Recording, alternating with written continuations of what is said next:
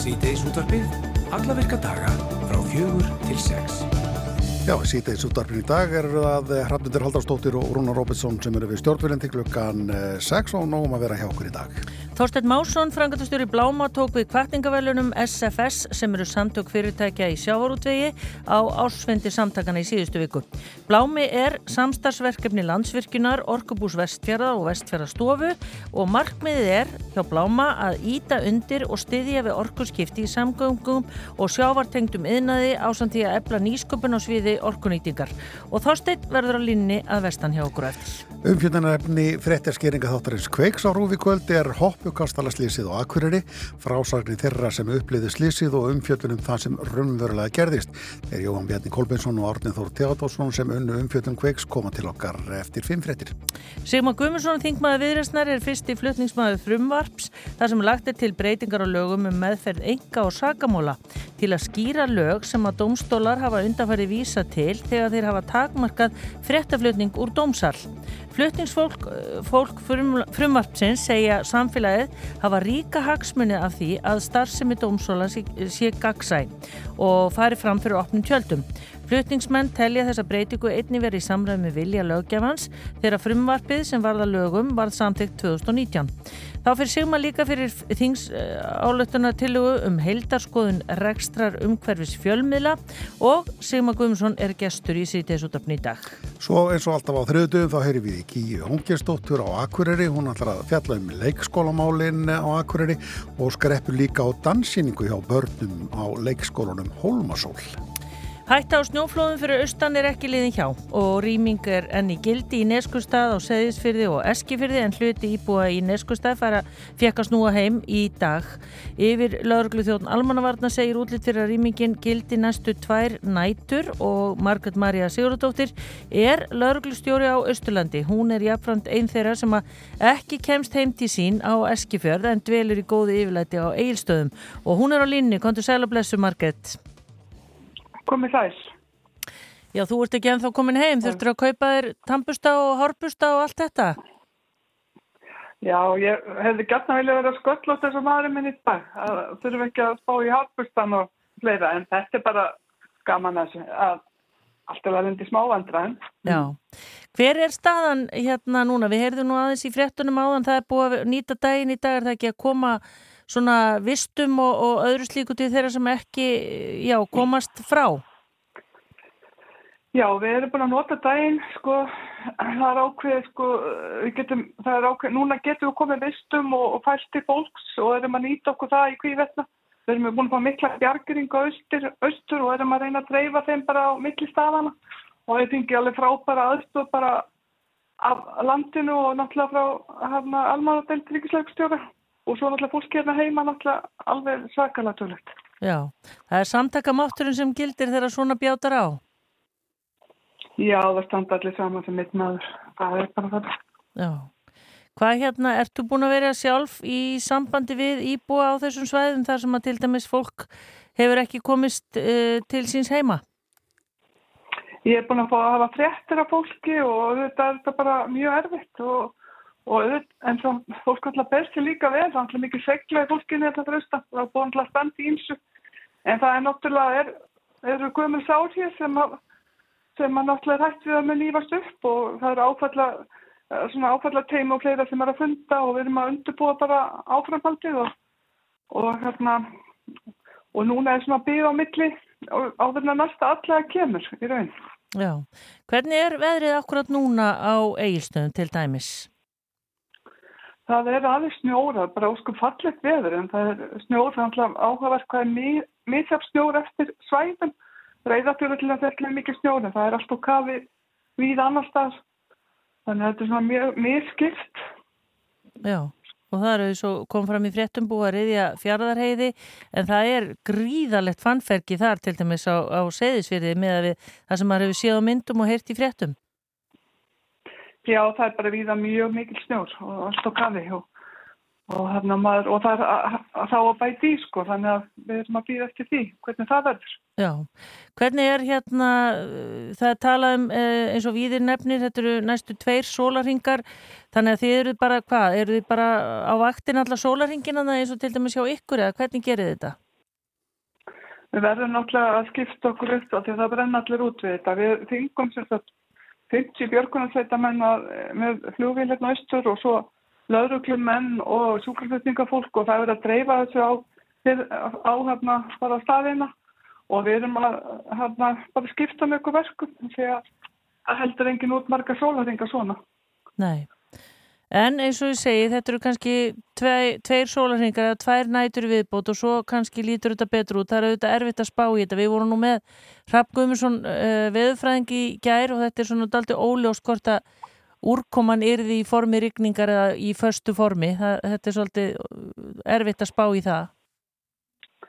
Já, það er það. það við býðum bara á náttúrulega veðurstofan náttúrulega líkilega aðil í þessu og og, og ofanflóðavaktin og við bara erum all samtaka í þessu og svo almanna döltin og, og lörgla og svo náttúrulega björgansveitina sem náttúrulega er alveg, alveg endalega sko. Þannig að þetta er bara fullt af góðu fólki valið maður alltaf mm. Þetta svæði náttúrulega vantarlega eru ferðamenn á, á svæðinu og annars líkt sem að uh, eru þá fastið náttúrulega bara eins og, eins og íbúar eða ekki? Er eitthvað sérstaklega hugað að þeim?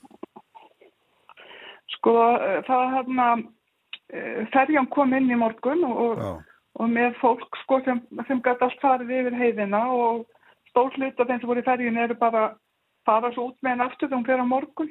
Já, já.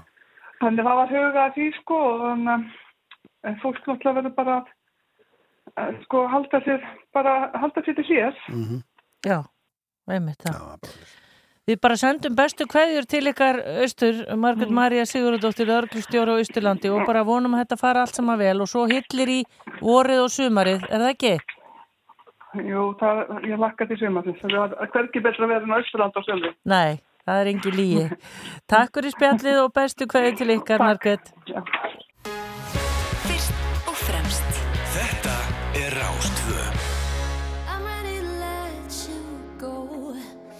Hold you back no more. And God spread your wings and fly away. And carrying you way too long, like an obsession.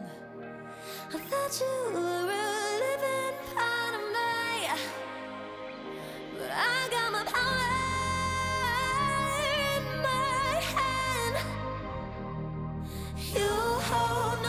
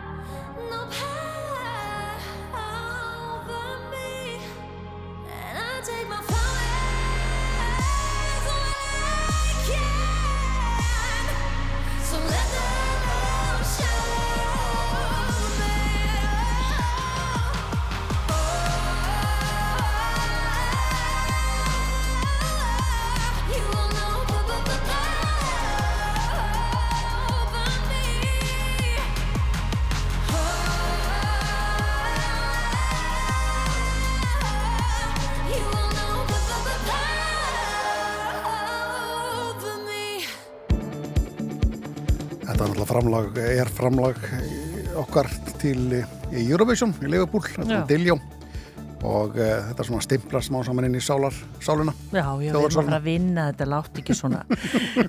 Hann er komin yngar Sigmar Guðmundsson, þingmaður viðreistnar og fyrsti fluttningsmaður frum varps þar sem aðeins lagt til breytingar á lögum með meðferð enga og sagamála til að skýra lög sem að domstólar hafa undarfærið vísa til þegar þeir hafa takmarkað fréttaflutning úr domsal og við ætlum líka ræða við hann um uh, þingsálöktun og tillugu um heildarskoðun rekstrar umhverfis fjölmiðla.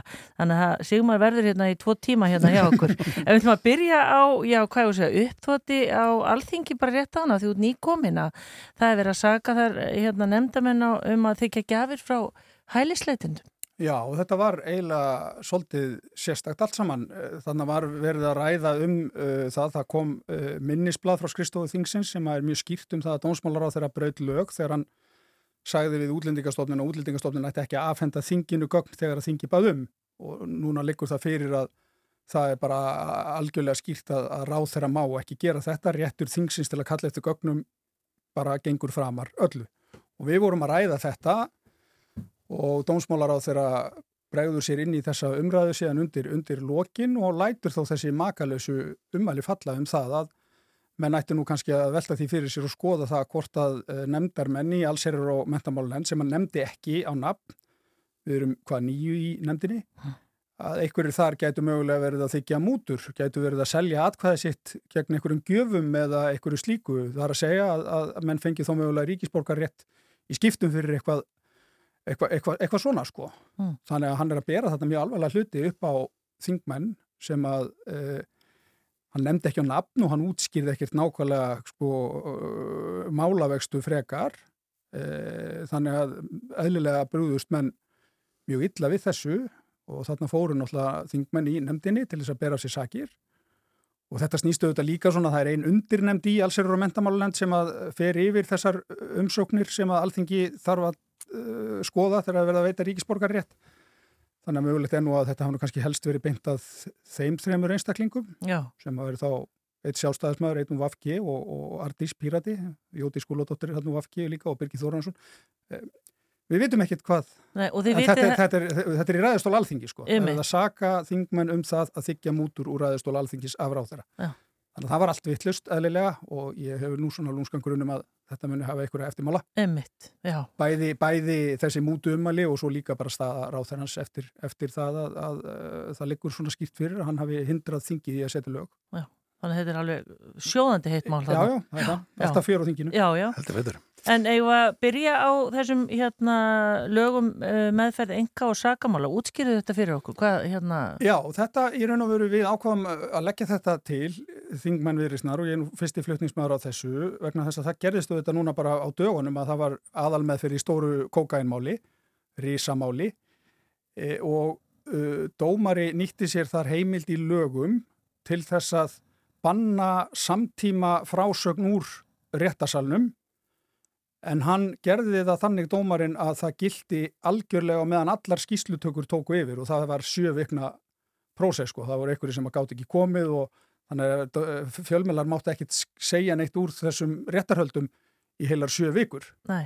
og þarna eh, virðist vera einhvers konar eh, ágrinningur upp um það hvernig á tólka þetta ákvæði vegna þess að fjölmjölar hafa svona gengið út frá því að þetta snúist um það að það megi ekki vera samtíma frásögn á meðan að viðkomandi er í skýslutöku. Það er að segja ekki þegar að kannski 20 koma hver og eftir öðrum og þetta bann sé þá allan þann tíma. Mm. Ekki tala en þegar, að, þegar að það, þetta næri yfir svona langt tímabil. Þannig að við erum bara ofureinfallega að leggja á það áherslu og með, með þessu að e, dómari hafi áfram heimil til þess að banna það að menn séu, frétta menn séu ef, og það verður þó raukstiða það sko ef er hægt á sakaspjöldum eða eitthvað slíkt að frétta menn geti ekki sagt bara í beitni útsendingu frá því hvað uh, sakmordingu til, til dæmis er að segja heldur þurfa að býða að fanga til skýslutakan er, er búin uh mhm. -huh.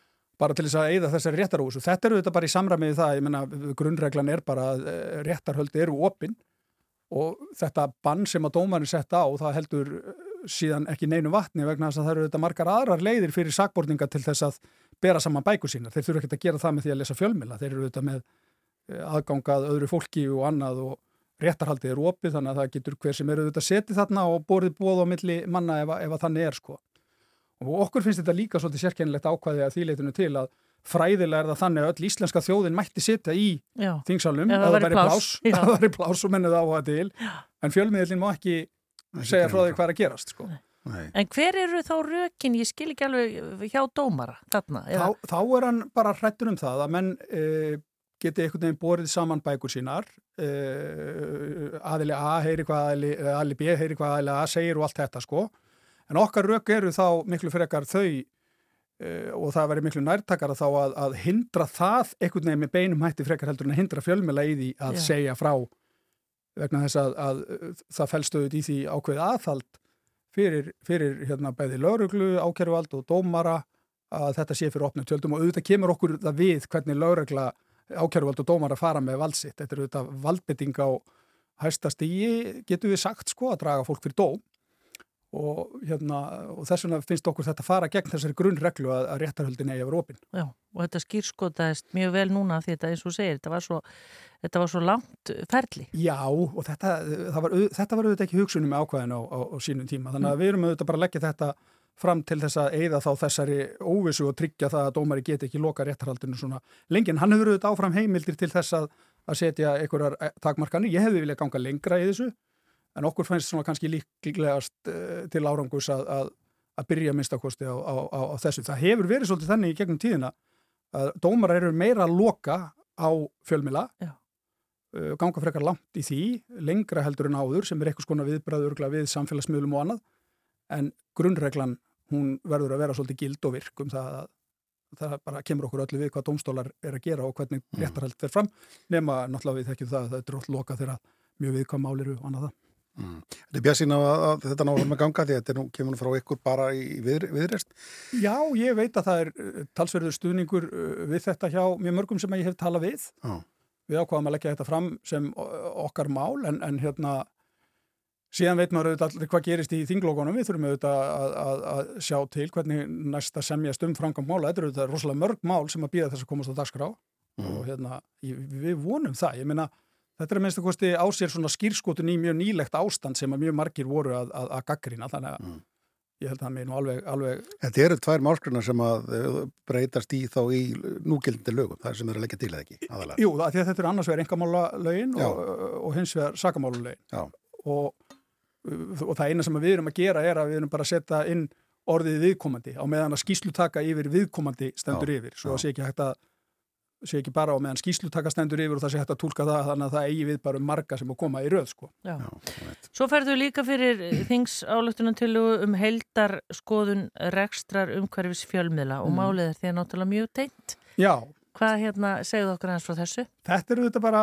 eins og við vitum, ég lagði þetta fram á síðasta þingi líka uh, eða við, við í þingflokki viðreysnar nú erum við svona búin að fá fleiri til yðsug okkur á þetta mál, það eru þingmunur öðrum flokkur sem að styðja þetta líka og við erum auðvitað bara að benda á að við erum alltaf að tala um fjölmjöla og þið þekkið þetta auðvitað mjög vel, það er alltaf verið að tala um rúf, rúf og auðlýsingamarkaði, það er verið að tala um stöðu engareikina miðla, það er verið að tala um auðlýsingafjármagnin sem að fer úr landi gegnum samfélagsmiðla og streymisveitur og og það er verið að tala um skattaumhverju fjölmiðlana og það er verið að tala um bann á tilteknum auðlýsingum og allt þetta og alltaf er einhvern veginn löggefin að uh, kroppa í einn þátt í einu sko. nú ætlum við að styrkja engaregna miðla nú, nú ætlum við að gera þetta, þannig að það er aldrei neina einhver svona heildar yfir sína því að það eru þetta þannig að ég menna staða rúf hefur áhrif á engaregna miðla uh, streymisveitur hafa áhrif á alla fjölmiðla uh, og, og allt þetta því að þetta eru þetta bara svona einn hvað var að segja, einn samhangandi heimur þar sem að einn armurinn hefur áhrif á það næsta Já. og þess vegna finnst okkur mikilvægt að skoða þetta bara í hilsinu og það eigi bara alltaf vera undir sem á þá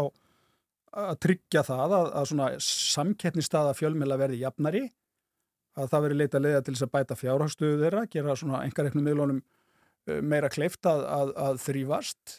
Ég hef nú svona sagt það sjálfur að uh, mér finnst rétta leiðin til þess ekki vera kannski svo að veikja rúf. Uh, ef við ætlum að styrkja Íslands fjölmjörauðumhverju þá getur valla það verið eitthvað sett að kastmál að veikja við að segja það sem er kannski sterkasta stóðin í þessu. En við getum auðvitað samt ekki hort fram hjá því að, að miðlar eru náttúrulega margir að kvarta undan e, fyrirferð rúfa og auðlýsingamarkaði og mér finnst bara að það sé bringt að það liggi fyrir bara eitthvað töluleg greining á á hver áhrifin eru, hvert færi fjármagnið annars og allt þetta svo við getum fyrir að ræða þetta af ykkur viti. Og þeir að leggja þá bara til að verði sett á laginnar einhver alls er að nefn til að Já, skoða bara, þetta? bara hópur til að skoða þetta, ég meina þetta var gert síðast fyrir einhvern 6-7 árum, ég meina upplýsingarna þaðan eru þetta úreldar, Mhm. ég meina við sjáum bara hvað er breytar fórsendur og auðlýsingamarkaði, Mm þú veist, þetta er að gerbreytt allt saman, við sjáum það bara hvað hefur fækkað í öllu fjölmjölaumhverjunu. Mm. Er þetta ekki í vinslu hjá Ríkistjóðinni? Maður er heirt sko, þetta er búið að ræða þetta svolítið tíma núna og menningamálar á þeirra er með þetta sínu kunnumantala, er, er engin vinsla í gangi með þetta? Hún hefur talað um að setja lakirna svona hóp en það bólar ekkert á því. Nei. Og þetta er kannski líka svona eh, þá, hérna, já, einhvers konar viðbrað við þessu að, að það þurfa að skoða þetta heilstætt og svo er, ég menna, við erum auðvitað með inn í þinginu náttúrulega núna frumvarp um það hvernig ég að styrkja engarekna miðla, þú veist að halda áfram með þennan stuðning sem að þeir hafa verið að fá. Mhm. Svo er ímist þingmannamál í gangi, þú veist að það, það, eru þingmenn sem hafa lagt það fram að útvarskjaldið eigi, menn er að ráða hvert útvarskjaldið fari og eitthvað, eitthvað svona sko, það sé að láta það eh, fara til annara miðla heldur en rúf, alls konar hugmyndir að það. En þetta er einmitt sko máli, það er alltaf verið að gera þetta í einhverjum svona bitum hér og þar og þetta verður svo bútasöms Já. kent umhverfið. Já. Þannig að jú, ég, það, það er alls konar vinna í gangi en, en það bólar ekkert á þessum hópi og ég held að þetta sé svolítið mikilvægt. Við erum alltaf að takast á um þetta, við erum öll sammálum að það þurfa að gera alls konar breytingar en við höfum kannski ekki gögnin og upplýsingarna til þess að meta það hvernig, hvernig best sé að gera það og við erum að leggja það til að þetta sé nú bara vinna sem að klárist á þessu ári. Og hver eru við? Uh, sem sagt flutningsmenninir. Já, já. Þetta eru við í, í viðreistn og það eru þarna þingum og samfélkingu, pýrutum og flokki fólksins sem eru með okkur uh, í þessu uh, og uh, við vonumstu þetta bara til þess að, að hérna, á þetta verði hlustað. Já. Rétt áður en við kveðjum hérna Sigma, við verðum nú að spyrja því Andri bá okkur að spyrja, hvernig er þetta nýja djópið? Það gengur á ýmsu eins og dagurinn í dag sannaði. Þetta er skemmtilegt. Já, Þetta er bara eins og fjölmjöla starfið. Þetta er mikil samskipti við fólk og, Mm. og lifandi en það er vissulega svona uh, þetta er átakadrifnari vinnustafur heldur en kannski margir aðrir en það er líka það sem að fólk sér helst sko. en þú veist, það er líka mikil eindrækni um margt og, margir hérna, góðir vinnir að vinna saman á góðum málum þert að flokka og allt þetta sko. en Já. er ekki ótrúlega margt að læra svona fyrstu Jú, þetta er bara eins og vera í skóla sko. Já, sérstaklega fyrsti, fyrsti veturinn þegar maður var bara að reyna átt að sjá gangverkinu. Það er rosa margt sem að kemur á óvart við þetta. eh, Menna, um, það kemur manni svolítið óvart hvað það er fyrirsjámalegt hvernig veturinn þróast að því litinu til að stjórnarnarstaðan fær ekkert að koma sínum málum að og stjórnin bara fer áfram í sitt og málinn koma seint fram og þetta er alltaf svona sama umræðan sko. mm En eh, þetta er líflegt starf. Já. Mjög. bara hérna, gangi yfir með þetta og uh, þetta er svo segir fyrir bungar um hvernig þetta komið stað uh, í, í þinginu eftir Já, páska. ég, ég vonast, vonast til þess. Nógu mikið erum við að minnst að kosta að tala um þessi mál, þannig að það er kannski fínt að fara bara brettu bermar og fara að vinni þeim líka. já. Emita, takk fyrir komuna í sítið útvarpið Sigma Guðmundsson, gangið vel. Takk hjálpa.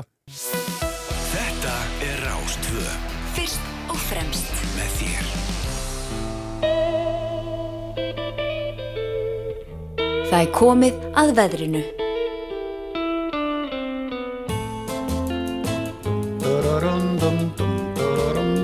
Það er eins og að sé að byrja einhver svona danskur þáttur, Það er svolítið svo leis. svona létt, léttur hérna sagamála þáttur, Já, ekki þungur. Nei, Nei. Herði, viltu vita um verið? Já, hvernig verður það? Kíkja aðeins til veðurs. Já, það er, skal ég segja þér, uh, já, spáin er svo ljóðandi, þá að ganga í norðaustan og austan 15-23 metra á sekundu siðst á landinu og fyrir að snjóa þar í kvöld og uh, austan 8-15 annar staðar, yfirleitt þurft, lítið sátt á jél á austanverðu landinu, frostið 0-8 stig en allvíða frostlöst suðvestan til. Svo er það snjókoma með köplum í nótt, hlínar sunnan og vestan til á morgun með rigningu eða slittu. Og úrkomi lítið á Norðurlandi hiti 1-6 stig setnipartinn nálagt frostmorki um landi norðaustanvert. Líkur að talsverði slittu eða snjókomi austast á landinu seint annað kvöld eh, svona lítur þetta út og eh, það er eins og ég segi halda nokkuð margir nýri í sér andanum bara því að eh, þetta verður svolítið að koma í ljós Já, hvernig þetta viður er, mm, sérstaklega hjá já, hugur okkar er hjá fólkinni fyrir austan. Já, já. Með mitt og ánframhandaldi ofan koma þar með það sem að uh, okkur var sagt í gær. Já, en, eh, og það er alltaf gul viðvörun á Suðurlandi, Austfjörðum og Suðausturlandi í gildi. Og uh, að sjá þetta inn á já, viðurstofunni, viður.is en hér eftir smástund að skella okkur uh, til Akureyrar, þar er hún Gíja Hómkistóttir já hún í segir okkur hér eftir náttúrulega alveg beint hvernig veðrið er. Já, já, Já, já, já, já. fer út með, stingur nefin út núna og kannan hverju staðan akkur núna, sko, svo núna, núna. Ganga til þetta hér, Nathaniel Ratcliffe in the Night Sweats S.O.B.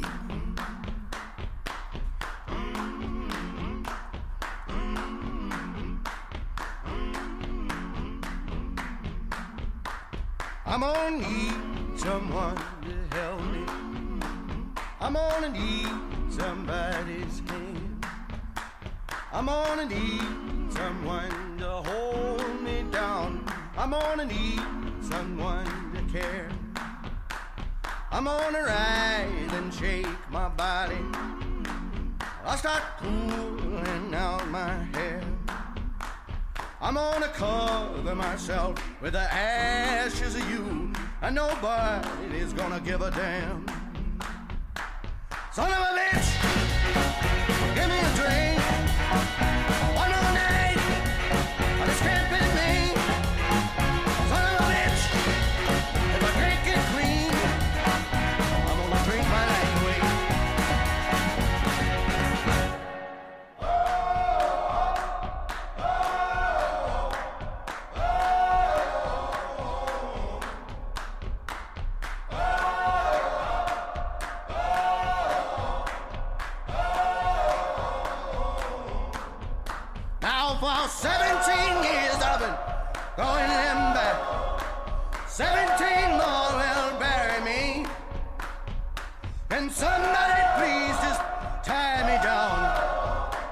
Ah, somebody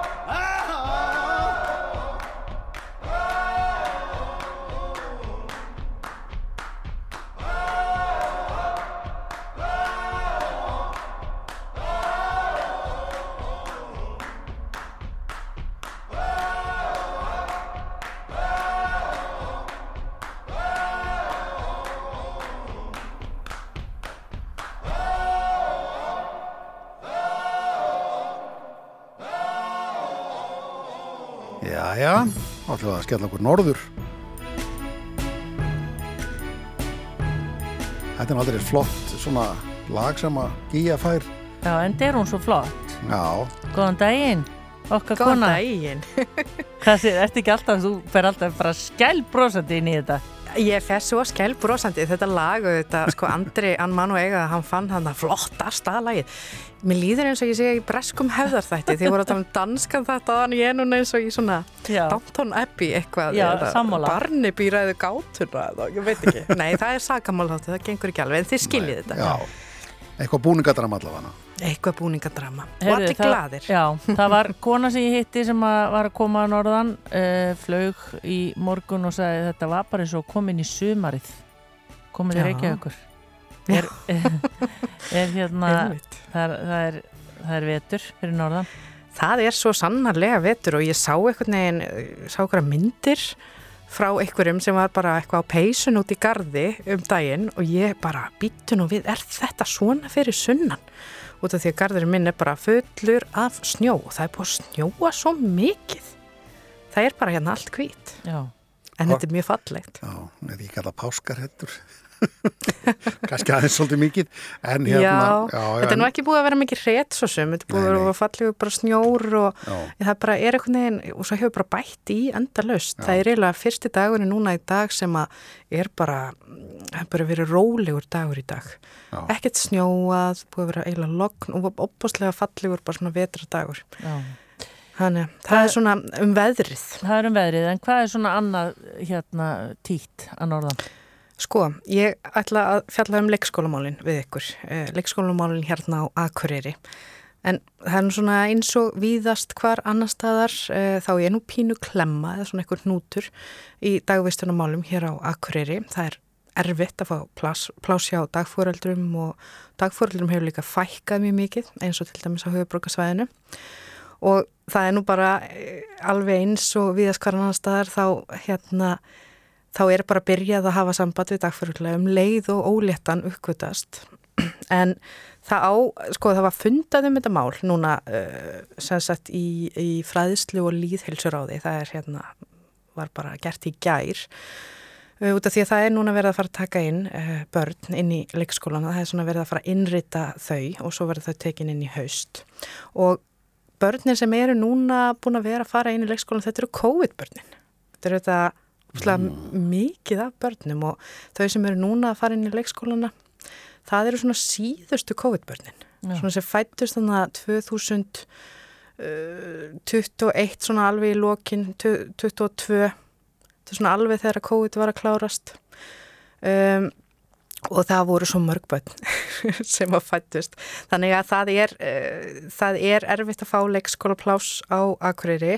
Það er verið að reyna uh, sko einmitt á þessum fundi fræðslu og líðheilsur áðs þá kom í ljós að bærin ætlar að uh, búta sauma svona smá úrræði. Það er ykkur 50 börn sem þurft að finna plás fyrir og það verður sagt breytt hérna nýra Oddeirinni, það er skóli sem heitir Oddeiraskóli, það er grunnskóli og þar á að einrétta sagt gamla smíðastofu sem hefur ekki verið nótur lengi og þá að breyta henni í svona ungbarnavistun, það er að 12 til 18 mánuða börn að vera og svo er annað úrræði sem verður hérna upp í síðuskóla, það er skólinn sem er hjá Glerár, eða sem er hjá hérna kirkjunni út í Þorpi, Glerárkirkju og það er á að koma fyrir elsta börnum í elsta hópnum sem að síðan munum bara innritast í grunnskólan og þetta er svona það sem að á að bjarga málum fyrir horn, skulum við segja. Já.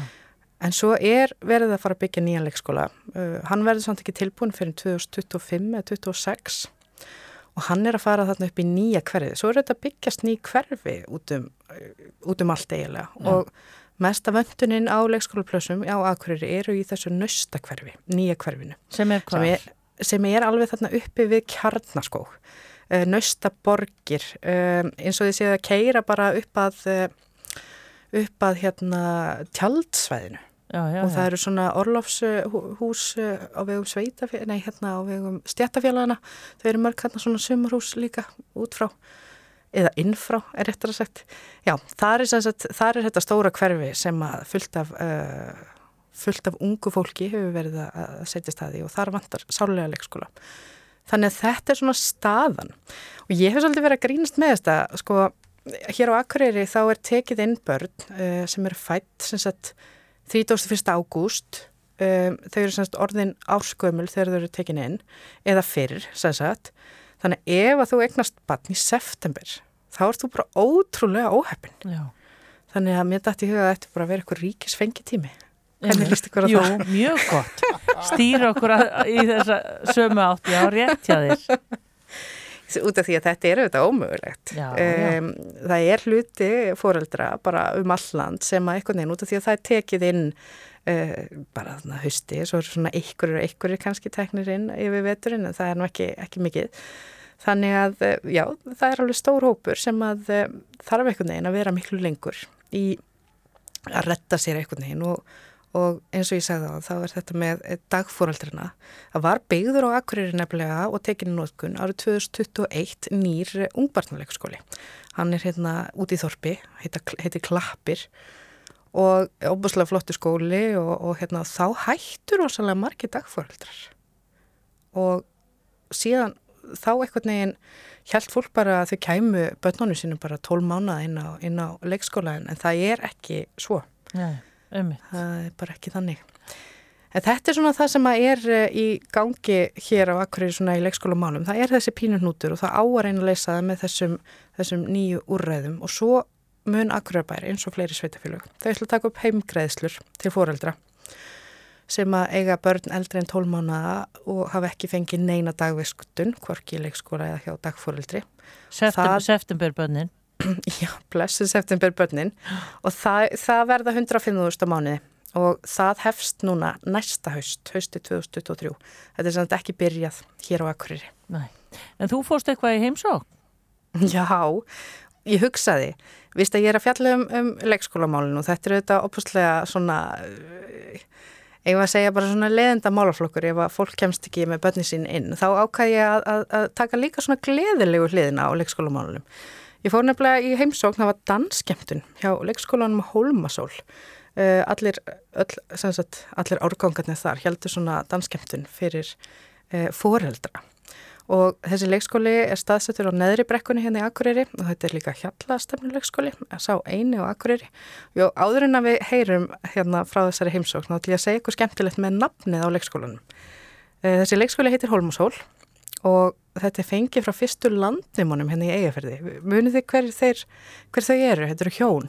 Uh, Helgi Magri og Þórun Hyrna. já, ummitt. Það voru þau sem settust hérna fyrst að. Var Og Hólmasól, Já. Hvað segir Nei, hvað segir ég segi bara Helgi Magri og Þórun Hyrna allir þetta hefur verið eftir bara hvernig hún voru vaksin eða hvað? Ætli það ekki, hún hefur verið og, eins og þrýhyrningur og hann var, var langur og mjór. Eh, saman opuslega Já, kombo, ying og yang. En þau hérna, sem sagt, og leikskólinn er staðsettur, gatan fyrir neðan leikskólan heitir Helga Magrastræti, opuslega fallegt nafn á götu. Og fyrir ofan leikskólan er Þórunastrætið, þannig eru hjóninn og Svo er leikskólan hann á mitt á milli og uh, hann heitir í höfuð á dóttur þeirra sem að hétt Þórbjörg Hólmasól.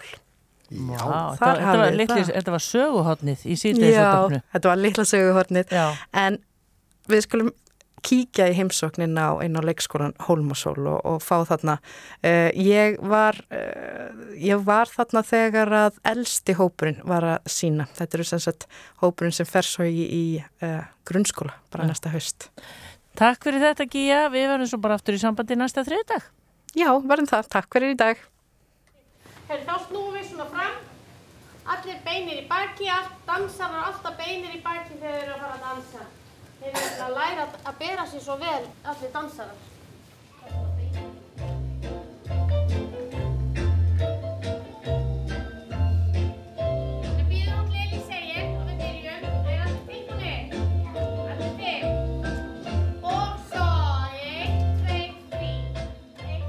Hvernig var svo að dansa fyrir framann mömmurnar og pappana og alla?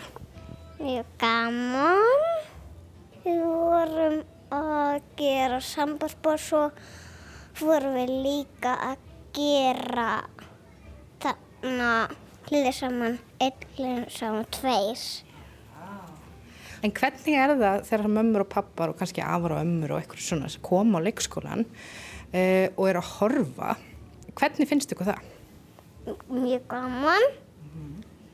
Ég var smá feimin. Af hverju? Bara því að þarna, þetta, þetta var alveg eins og það eins og að maður er á sviði. Þið voru svona býnum svo dansarar á sviði. En maður segir eitt, ég er að æfa í tveimum dansum. Þannig að þú ert alveg mistar í þessu. En hvernig er að hafa svona dansdag á leikskólanum? Gaman, það er svona gaman.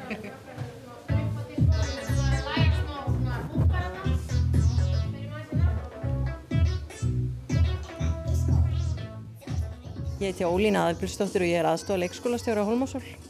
Við erum núna búin að vera að fylgjast hérna með þessari dásamlegu danssýningu sem að þið hérna á leikskólanum Holmasól eruð með. Þetta er svona hátíð hjá ykkur, eða hvað? Já, þetta er hátíð. Þau eru búin að vera að dansa hérna einu sinni viku núna í sjö vikur, krakkarnir, og svo er áttundasýningin í dag og þá er foreldrabóð. Þá fá allir að koma og sjá hvað börnið þeirra er orðin flink að dansa. Og er ekki gaman að fá foreldra inn á leikskólan? Finnst krökkunum það? Jú, þeim finnst að það getur verið erfitt fyrir síngstu augnablík en það líður strax já. Jú. Það er bara frábært að vera komið gesti aftur í hús eftir COVID. Eh, Er þetta fyrsti veturinn sem þið getið tekið á móti svona gestum eða? Já, þetta er fyrsti veturinn síðan COVID var sem við tökum móti gestum. Þannig að það eru kannski sum börnin hérna sem hafa aldrei fengið mikið að taka móti mömmum og pappum og svo vitum við af svona afa, ömmu, morgnum og hitt og þetta. Þetta er kannski fyrsti veturinn sem sumi krakkarnir eru upplifað þetta. Já, er, þetta er fyrsti veturinn hjá þessum alingstu sko og já, sum þeirra sem eru konu efri hæðina búin að vera tvö ár niður í það sem litlu krakkarnir eru, þau hafa ekki upplifað þetta og eru feimin, svolítið feimin. En það er mikið gleði hérna og, og núna er hérna struppadiskóið aftur farið að óma. Ólína, takk kærlega fyrir spjallið og gangi ykkur vel restin af deginum í þessum skemmtilega dansdegi hérna á Hólmúsól. Takk kærlega fyrir, takk fyrir að koma.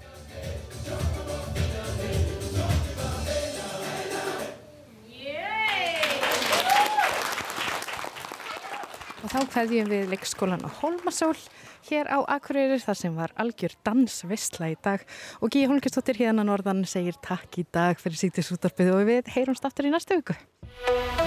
Fyrst og fremst Með þér. á Rástfö.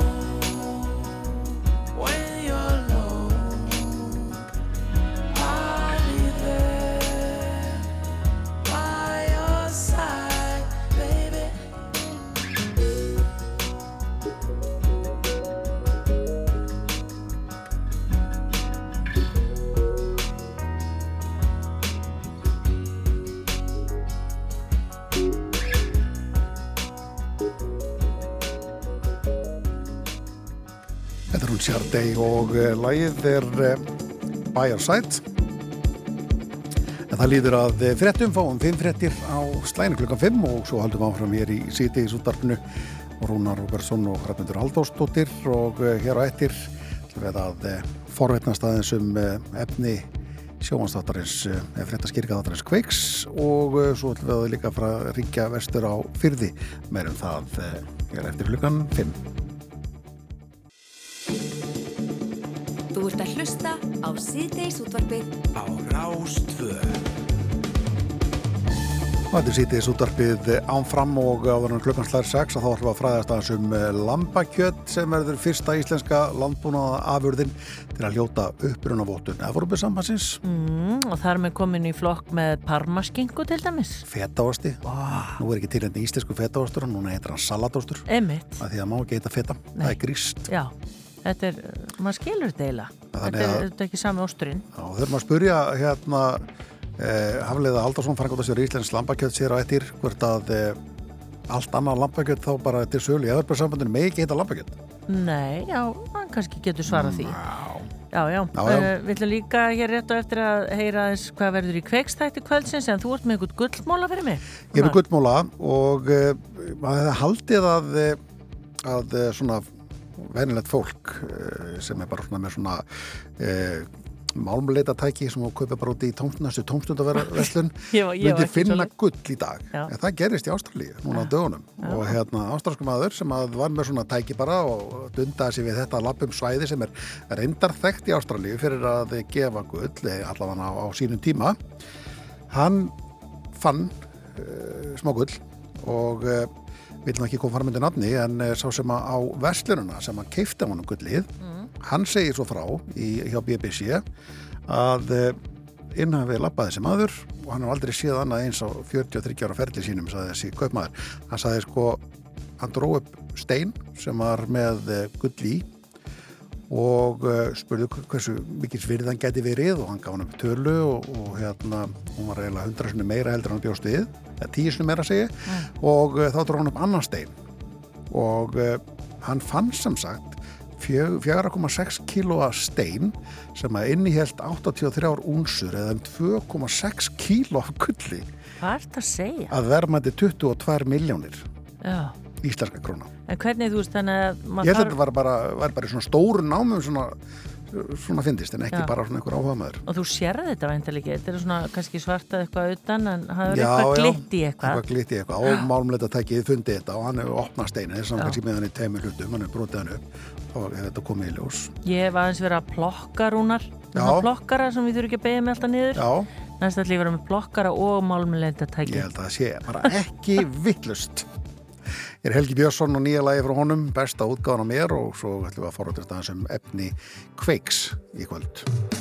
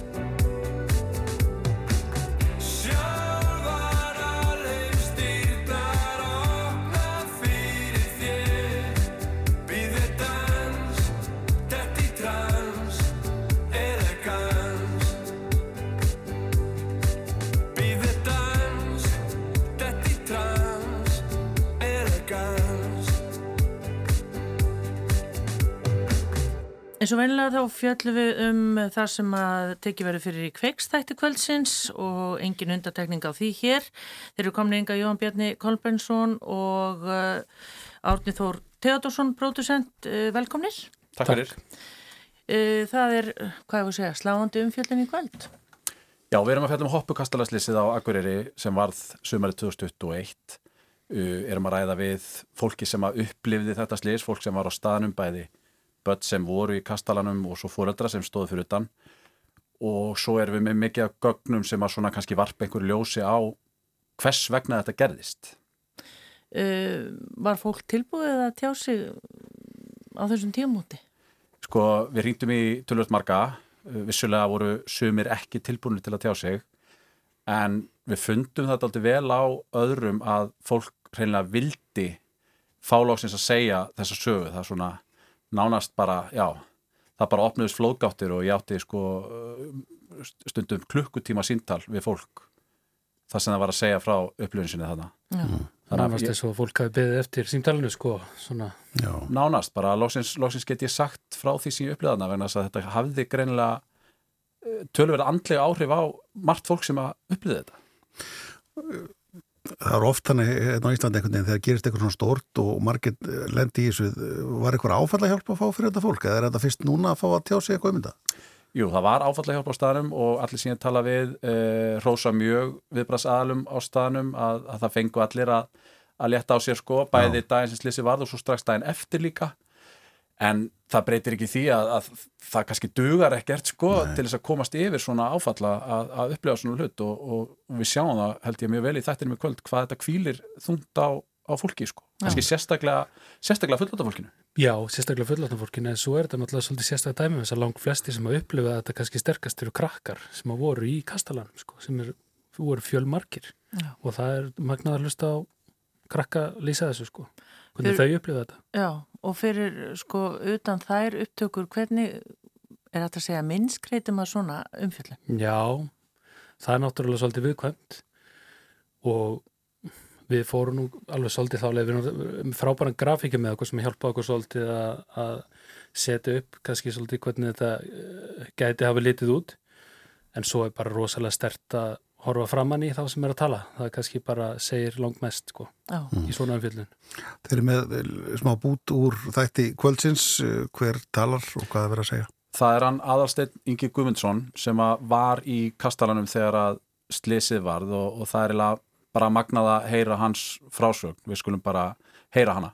Fyrst það bara komið sem vindkvæða og ég bara fekk sand og greinri í augun ég var bara, ok, það er bara vindkvæða en svo bara leið mér eins og allt í hennu bara allt verið slómo. Það bara eitt hornið, það bara fauk upp og svo bara svæfjöld að krokkum bara verið að fljúa og ég hugsaði bara, ok, það hlýtur að vera martröð. En svo lendi einn stelpann fyrir fram að mig og hún var bara svona alveg augljóslega með brotna hendi. Hún var bara, það var bara mjög augljóst, hún var bara á lið eða með brotið herðablaði eitthvað. Ég, bara, ég, ég spurði bara alltaf og svo bara hljóp ég út af því að ég var skítrættur. Þetta myndi bara lokast á mig. Þá lendi önnu stelpann fyrir fram mig, en bara núna á malbygginu og kemur eitthvað kona, tekur hana upp og bara öskra bara hvað er sjúkrabíl, hvað er sjúkrabíl og ég er bara ógeðslega hrættur þá er, svo er önnur kona sem er bara öskra hvað er barnið mitt? Og það líður yfir hana á endanum. Já, þarna heyrðum við aðalstinni Inga Guðmundssoni svona lýsa því hvernig hann man þetta slis, þetta er náttúrulega aldrei rosaleg frásögn. Já Allir í sófan í kvöld fylgjast með kveikstætti kvöldsins. Uh, Jóhann Bjarni Kolbensson og Árni Þór Teatursson, takk fyrir komuna. Takk fyrir. Takk. Þetta er Rástvö Letters on the sky Burning in your eyes You look at me Babe, I wanna catch on fire It's buried in my soul like California gold. You found the light in me that I couldn't find. So when I'm all choked up, but I can't find the words. Every time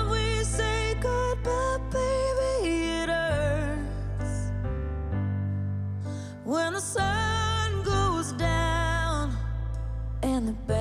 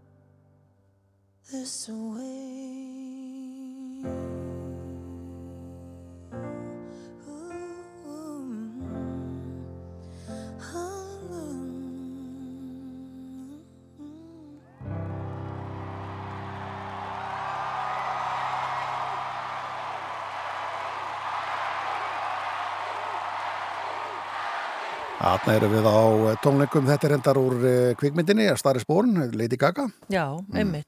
Býtu, ég sá mynd af henni, uh, uh, uh, hún er að leika í nýri mynd, það er að hérna, sástu það í Nei. dag? Það er hérna, Jökkan Fínis, hvað heitur myndi sem að vann hérna all Já, Jokerinn, Jokerinn. Joker 2. Já, er því? hún í aðal, lötur ekki og hildur okkar guðuna með tónlistina. Sjálfsögðu, eins og, Já, eins og í fyrirmyndinni. Já, já, já. Ég, ég get ekki beðið. Nei, Heri, það er yfir í annað, eh, Þorsteinn Másson, frangvöldastjóri Bláma, tók við kvartningavelunum SFS, sem eru samtök fyrirtæki sjávaratví á ásvendi samtakana í síðustu viku, en Blámi er samstagsverkefni landsvirkjunar, Orkubús Vestfjörða og Vestfjörðastofu, en, en eh, þarna er verið að vinna í því að íta undir og styðja við orkuskipti í samgöngum og sjávartengdum yðnaði, ásamt því að efla nýsköpun á sviði orkuneytingar og Þorsteinn er á línunni okkur, sæla blessaður. Já, komið sæl. Og, og til hamingju með, með, eh, með þessi kvartningavelun. Það er gæra þakki fyrir það. Bara, hérna, við erum virkilega stolt og, og, og ána með að hafa fengið þessi, fengið þessi velun. Þetta hvetur okkur áfram. Já, þetta lítur að vera, já, eins og þú segir, vera kvartning, en út á hvað gengur þetta nákvæmlega sem að þið eru að eh, vinna að í bláma? Sko, við erum svona, eh, okkar megin markmið er að svona íta undir og styðja við þessi orkuskipti og, og svona í þessari sjáatengu starfsemi og, og, svona yfirnæði, kannski það sem við erum, hvað segja, svona ske, skemur og veg komin. Að okkur gengur náttúrulega ágætlega með bílana, við sjáum alveg svona í hvað átt það er að fara, en, en svona við erum að svona reyna að íta áfram þessum verkefnum í, í hérna, í sjáatengu starfseminni og og höfum átt bara mjög góðu samstarfi við uh, svona sjávarðsfyrirtæki og fiskaldisfyrirtæki og höfum komið að svona mjög skemmtilegum og hérna góðum verkefnum eins og að já, svona til dæmis setja raflugu kerfi í fóðupramma í fiskaldinu þá getur við tekið niður ólíðuslum 50% og fyrir þetta cirka úr 100.000 lítrum á ári neyri 50.000 og svo líka bara tengja, bara leggja snúru í land og þá náttúrulega bara tekur við 100.000 lítur og fer bara neyri 0 Þannig að svona, við, við erum að reyna svona að, að íta við og svona hjálpa til við svona að raungera að raungera verkefni. Þannig að, þannig að já, það er svona, þetta er, þetta er hérna, þetta, okkur finnst þetta sem þetta ganga hægt en þetta, þetta mjagast áfram. Já. Það er alltaf erf, erfitt ábyggilega að, að, að í, ge- í sjávareitu útöðurum við talan ekki um að við höfum að tala um, um, um fiskirskipin okkar. Það er, ennþá, það er langt í það að það fari, fari úr ólíunni eða það ekki. Meina, það, það, það þarf að hanna nýr skip frá grunni þannig að við erum ekki að horfa á það. Þeir eru að horfa meira á, á svona sjávarútveg í landi þá eða eitthvað. Já, sko, við reyndur horfum á alveg alla, alla flóruna. Þetta er alveg horrið að, að, að sko, það er lengra í það að við, að, sko, e, að við getum innlegt græna orkugjafa að einhverju magni í skipin okkar. Reyndar, sko, eru alltaf svona, hvað maður að segja, er alltaf fólk sem að svona, hérna, e, er að stíga mikil framfæra skref og, og til dæmis útgerða til að reykja ykkur er núna að láta breyta tógara félagsins, Guðmundi í Nesi, sem er eitt stærsti flissi tógara landinu, þannig að hann bara, eh, ég held að sé 2025 eða 6 að þá hann að geta brent metanóli þá í staðin fyrir dísel. Og, og kannski fyrir fólk sem ekki veit og þá getum við framleitt metanól úr vettni það er verið að skoða díselleika þess að setja upp svona framleiðslu á Íslandi. Þannig að, þannig að það er svona það, það er, eru svona sprotar hinga á þanga að, að, að spretta. En, en sko ég held líka að, sko eh, við þurfum að horfa kannski hvar getum við byrja og það hefur við líka verið svolítið fókusið á, hvar getum við byrjað? Stíga skref og láta bolta rúla og, og til dæmis hérna, eh, við hefum ekki gleyma, það er greiðlega vel hefna orkuskiptaverkefni í sjáatendi starfsemi sem er uh, herjólfur. Sem er frábært, frábærlega vel hefna og, og við höfum sagt bara ok, okkur, okkur gekk vel með það. Næst getum við tekið baldur hérna breiðfæraferjuna uh, hún getur til dæmis verið á raflöðum og brent uh, einhvers konar rafveldsniti uh, ferjan sem fer í Grímsey við getum tekið hana og svo, og svo hrísæðaferjan, hún lendar steinlingu bara sem, sem svona fúli elektrik eða bara batteri af því að, að, að þetta er svo stutt að leiði þannig að það er, það er margt hægt að gera en við verðum líka að vera svona þólimóð og, og, og svona sumt mun taka lengri tíma og, mun fyrir meiri, meiri þróun, svona tæknifróun. Já, en að því hún nefndi sko ramagsbílana, þetta er náttúrulega háð því að skipin uh, þyrtu að geta stungið ykkur starf í samband á leiðinni, þar að segja þau sem er að fara lengri leið. Já, e- eða sko það sem að sko, sko, sko nú, hérna, við vitum kannski ekki alveg svona hvaða orkugjað það verður á endanum sem er leysa eh, hérna, dísilin eða, eða sem sagt jarðarna elseti eða hólmi.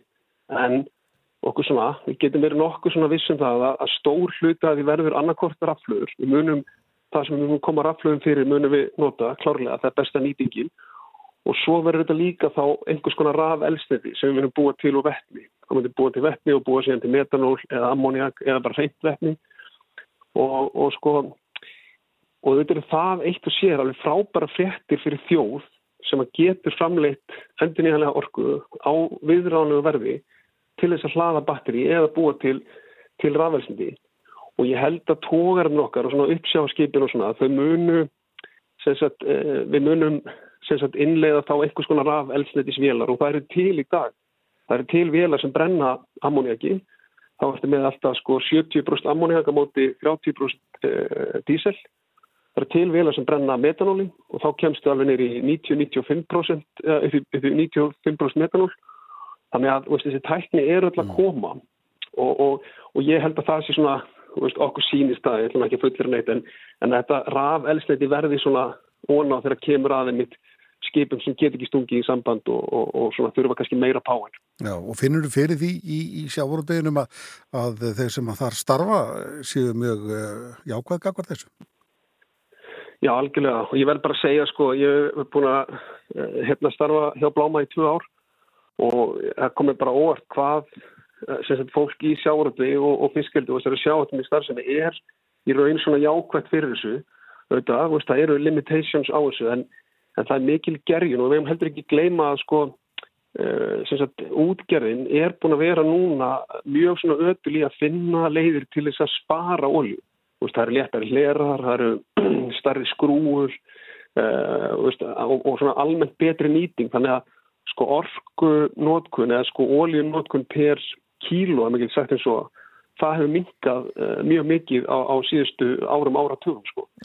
En, en, en svo þurfum við náttúrulega að taka þessi skref og, og koma einhverju svona endurnýjanlegu elsniti um borð og, og það er mikil svona áhuga á þessu, við finnum fyrir miklum, miklum áhuga og fá mikið af fyrirspurnum og, og, já, það er, það er mikil áhuga á þessu. Já, og er þá blámi, er þá helsta verkefni bara að já, fyrirtækin setja sig í samband við ykkur og þið hjálpið með að finna svona umhverfisverðni lausnir eitthvað neginn?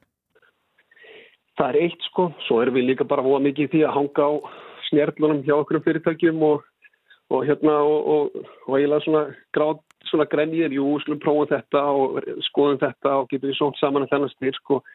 Þannig að við erum svona, hvað var orðað, við erum bæðið svona gently but firmly að reyna svona í þessu, uh, í þessu áfram. Og líka þetta og núna nýlega erum við mjög svona, við erum ána með að við erum núna byrjuð að vinna með tækniskólanum í, í því að svona menta hérna, eða svona uppfara námsefni fyrir velstjórun okkar. Mm. Því að sko, því að velstjórna fólk framtíðarnar, þau, það verða í sjálf þess að engin orkuskipti nema þau séu klári að innlega, þjónusta og viðhalda uh, þessum hérna, þessum velbúnaði, hvað sem að eru vela sem brennar afveltindi eða kannski floknari hybridkerfi, stóra flöðkerfi og hérna og krakkar sem að eh, sem sagt, fara núna, byrja nú í haust í, í velskólanum. Þau eru þá útskrifast hvað 2028 og þá ætlum við, sem sagt, sagt markmiður ríkistjóðnarinnar að vera að koma bísna langt inn í orkuskiptin og, og þetta eru þá nefnendur sem fá kannski fangið uh, sagt, kerfi og vélar sem að erum þetta að nota svona uh, vistvænt elsniti, þannig að það er ekki að þetta er eina býða sko. Já, maður veit að í, í vélstjóranáminu að þá eru þeir svona að læra eins og rafvirkjarnir þannig að það það, það, það verður ebla það raunverulega að menn séu í stakk búin að taka uh, þann pól í hæðina að vinna með slíkt. Algjörlega, akkurat. Og, og þetta mun breytast, við sjáum svona að, að fara úr sem bara hefðuna, þú veist það sem er bara með sprengimótor, bara vél og gýr og skrúu, yfir í það að vera kannski með sem sagt rafmótor sem knýr skrúuna, svo ertu með kannski vélar af einhverjum tegundum sem að framlega rafmaks og innan hana mótor og, og hérna og, og, og afturskilur, þetta er bara veist, þetta eru leikil aðeinar í þessum orkurskiptum þessir, þessir, þessir velstjórun og mjög svona þetta eru metnaði fyrir áform hjá tekniskólanum og við erum bara mjög hérna ánað að fá að vera svona þeim innan handar í þessari, í þessari vegferð mm. Sér fyrir sér að við sem að, að fara komin hálfgerðan ring þegar að kemur að, að hérna bátanum okkar eða við erum hugsað um sko þetta byrjaði allt saman með seglum og hérna það sem hérna vindorkar var ekki nú hérna í dag svolítið saman ánfram og núna eru að fara í, í, í rafmagnir sem að kemur kannski frá vindorkunni. Þannig að þetta er, þetta er, þetta er svolítið skemmtilegt að horfa þá ringar ás Algjörlega sko. Og ég menna, við getum líka tekið dæmi þetta er svo gott dæmi sem við nefnum við vindin að, að sko, það var nú hérna fyrir vestan sem að það var fólk sem að setti fyrsta mótorun onni, onni bát, onni sem sagt bát sem var knúin með árum eða, eða seglum og, og hérna, og maður getur svona, við hefum oft svona við segjum átt frá því sko að maður getur ímyndað sér þegar, þegar þetta fólk mætti með eitthvað mótor neyri fjörur og fór að útskýra fyrir öðru, ja, þetta er bara svona mótor og svo setur hann hér og svo er eitthvað skrúa og maður getur ímyndað sér allar óvissuna og, og allar svona hvað sem allar spurningar og neikvæðis rættirna en samt bara sem betur fyrir þá gerðum við þetta. Mm. og bara lögum grunninn af, af bara mjög farsælu sem sjáar útvegs hérna, eða uppgangi sjáarútisins þannig að við erum kannski komin svona Uh, við erum rundar, ég, ég segja verkefni okkar sem mun auðvildra í dag en, en við erum svona kannski á svona svipum stað. Nú þurfum við að fara skipta og það verður óvisa og það verður eitthvað bask og verður kannski einhver sem hefur ekki trú á þessu en, en ég menna við ætlum að vera hérna kólum í slutlist 2040 þannig að það er bara fulla ferð sko Já, já, þetta, það er stutt í þetta, þetta er fljóta liða til fljóta líða. Já, Þorstin Másson, Frangatastjóri Bláma, takk fyrir að tala við okkur og enn og aftur til hæmingi með kvartningavelun SFS og bara ánfram gakk, segi ég nú bara við okkur. Það eru bara takk hjálpa sem við leiðis. Á leiðinni heim, síðdeisútvarfið. Frá fjögur til sex á Rás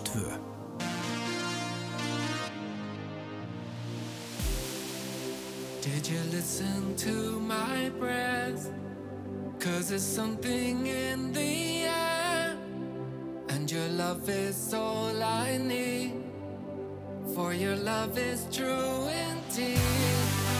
I've been looking, I've been looking down And I don't know what I'm thinking about.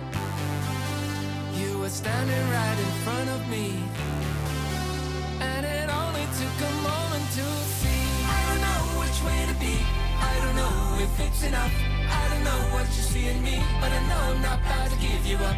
I don't know which way to be. I don't know if it's enough. I don't know what you see in me, but I know I'm not about to give you up. Did you listen to my breath? Cause there's something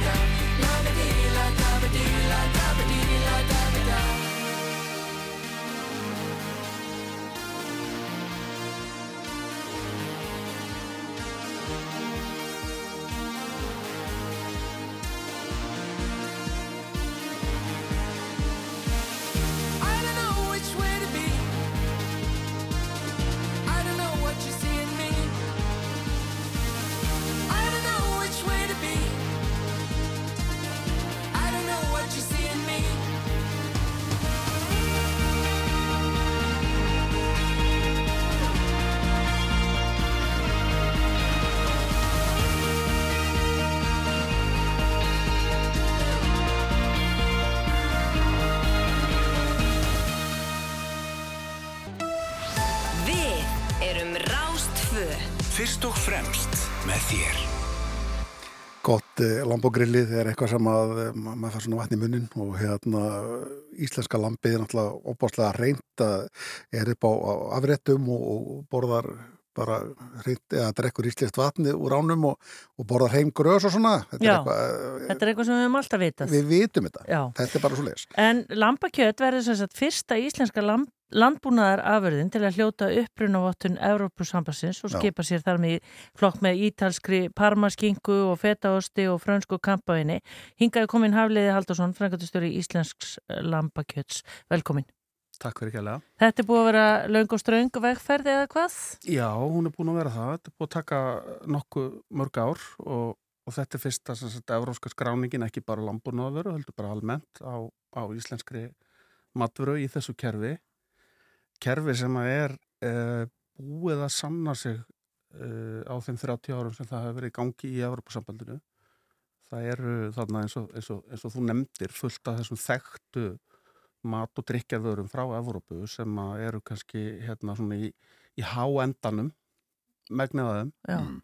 uh, og, og, og kerfið uh, virkar þannig að Evrópusambandi gerir uh, gagkvæma samninga við lönd þannig að öll, öll Evrópa er þannig inni auðvitað en, en okkur býðst að vera þannig inni og normenn er þannig inni og notið þetta mikið en líka lönd til dæmis bara í Suðustur Asíu og í Suður Ameríku Já. og af hverju er það? Það er vegna þess að þetta er upplugasta kerfið í því að vernda svona hluti sem að sko eru einstakir í matvörum og, og við vitum það öll þótt að við viljum auðvitað alltaf að matakarfan sé sem ódýrust að við kannski kaupum ekki alltaf alveg út frá töflureikninum. Nei, en hvaða, hvað hefur falist í þessari vinnu? Þú veist, hvað hafið þið þurft að gera? Já, sko, við þurftum auðvitað bara að, að hérna, gera ansi góða umsókt sem að, að hérna, tilgreinir nákvæmlega hvað þetta er hvað, ég meina við bara tökum það í stuttu þá, þá erum við hérna með einangraðar söðfjárstopp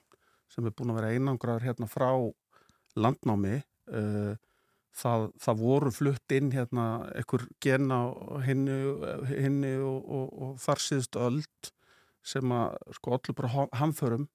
Og það var allt saman felt uh, og því fylgdu sjúkdómar uh, sem að hérna uh, já, voru hamfarir fyrir söðfjörræktina þannig að það er bara búið að vera þannig núna í marga, marga ára tíu, ég veit ekki hversu lengi að það er bara algjört bann við því að flytja inn aðrar hérna uh, já, aðrar kindur en það sem hér eru. Og bændunir hér hafa þurft að vinna þá með það. Þeir hafa ekki getað styrt sér leið með því að taka inn gen úr, getur við sagt til dæmis uh, kindum sem eru stærri og þingri þeir hafa þurft að rækta upp sinn stopp og það hafa gert á bara mjög eftirtækt að vera nátt því að nú er uh, íslenska sögkindin svo afurða mesta hvað kjöt varðar í allri Evrópu. Já. en er samt minni og léttari að meðaltali en þau kyn sem eru helst ræktu til þess að búa til kjöt Mm.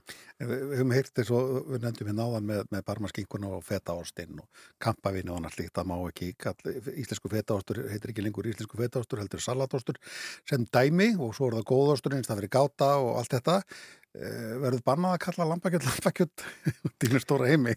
Nei, nei, alls ekki. Og, og það er til hérna, það er til fullt af skráningum fyrir lambakjöld Já. það er til dæmis til sko norsk skráning fyrir lófótenlamb Já, og það er til skráning í Nóri fyrir svo kallar fenalor sem er saltað og þurkað læri af lambi.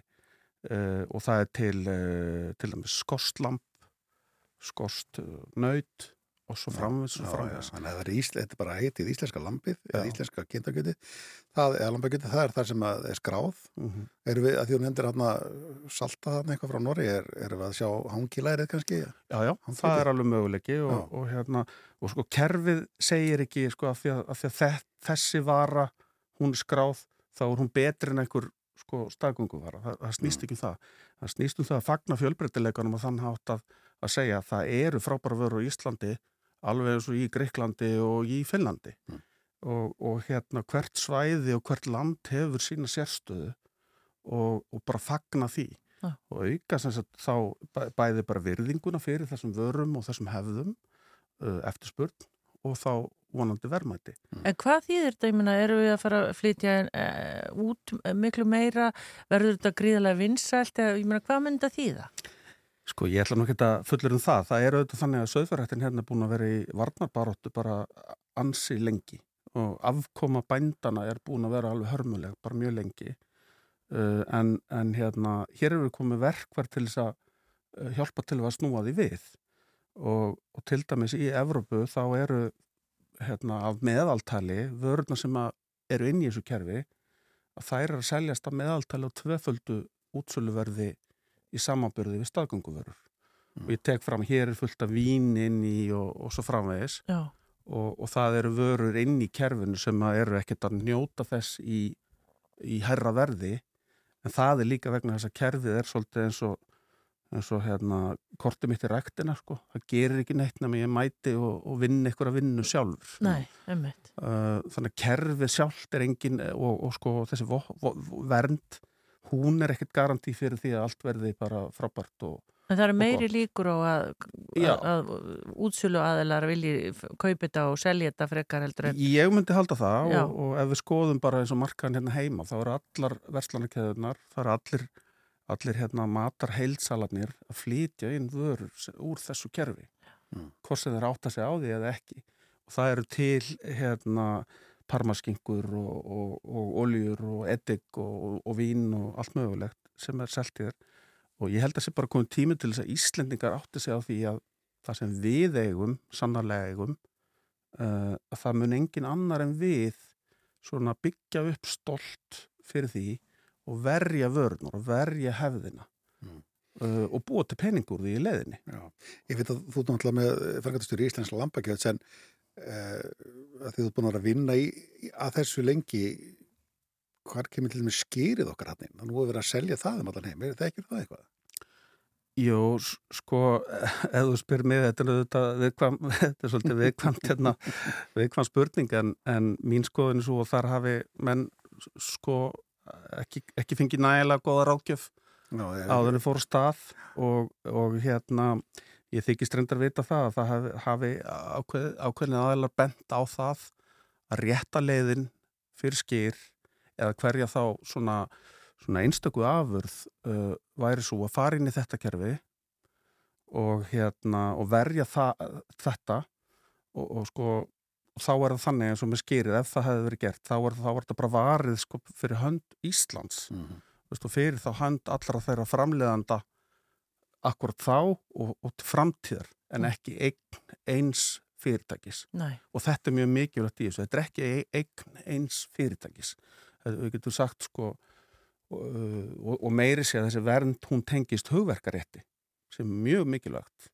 Því að hérna það, við veitum það líka að það er til matarsvindl út í heimi og, og hérna það er alveg öruglega einhverju sem að myndu bara gjarnan vilja selja eitthvað voðalega fínt vín með voðalega fínum miða sem að væri bara alls ekkert framleitt á þeim stað sem að Mhm. þeir segja þannig að, þannig að þetta er líka mjög mikilvægur þáttur í Ja. þessu Verður spennand að fylgjast með þessu þegar ég vantilega þá núna að fara í alveg nýja markasetningu, það er ekki að fá alls konar nýtt í kjálfarið eða hvað? Jú, sko, við ætlum að rúla stað núna í vikunum með nýtt efni þar sem við setjum þetta aðeins í samhengi kannski bara fyrir Íslendinga. Sko, það, það eru svona um það byrjum 15-20% Íslendinga samkvæmt könnunum sem þekkja þessi merki. Það er að segja að þau þekkja þau vegna sem þau segðu á vörunum sem þau kaupa en, en átta sig kannski ekki alltaf í, í grunninn.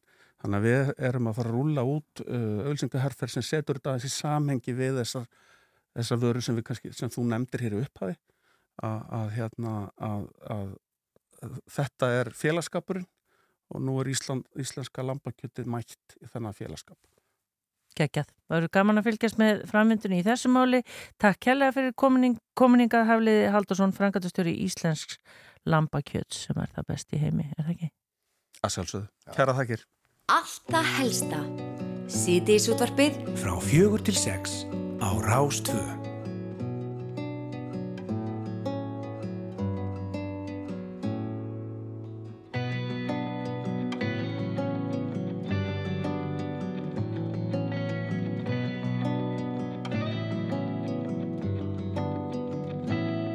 Úti berja stormar og hríðir á þakinu En stillum okkur þó. Inni ber á leikjum og hlátri frá fólkinu sem rektar sálar spór Hvena mun nú veturinn sleppa lokstakinu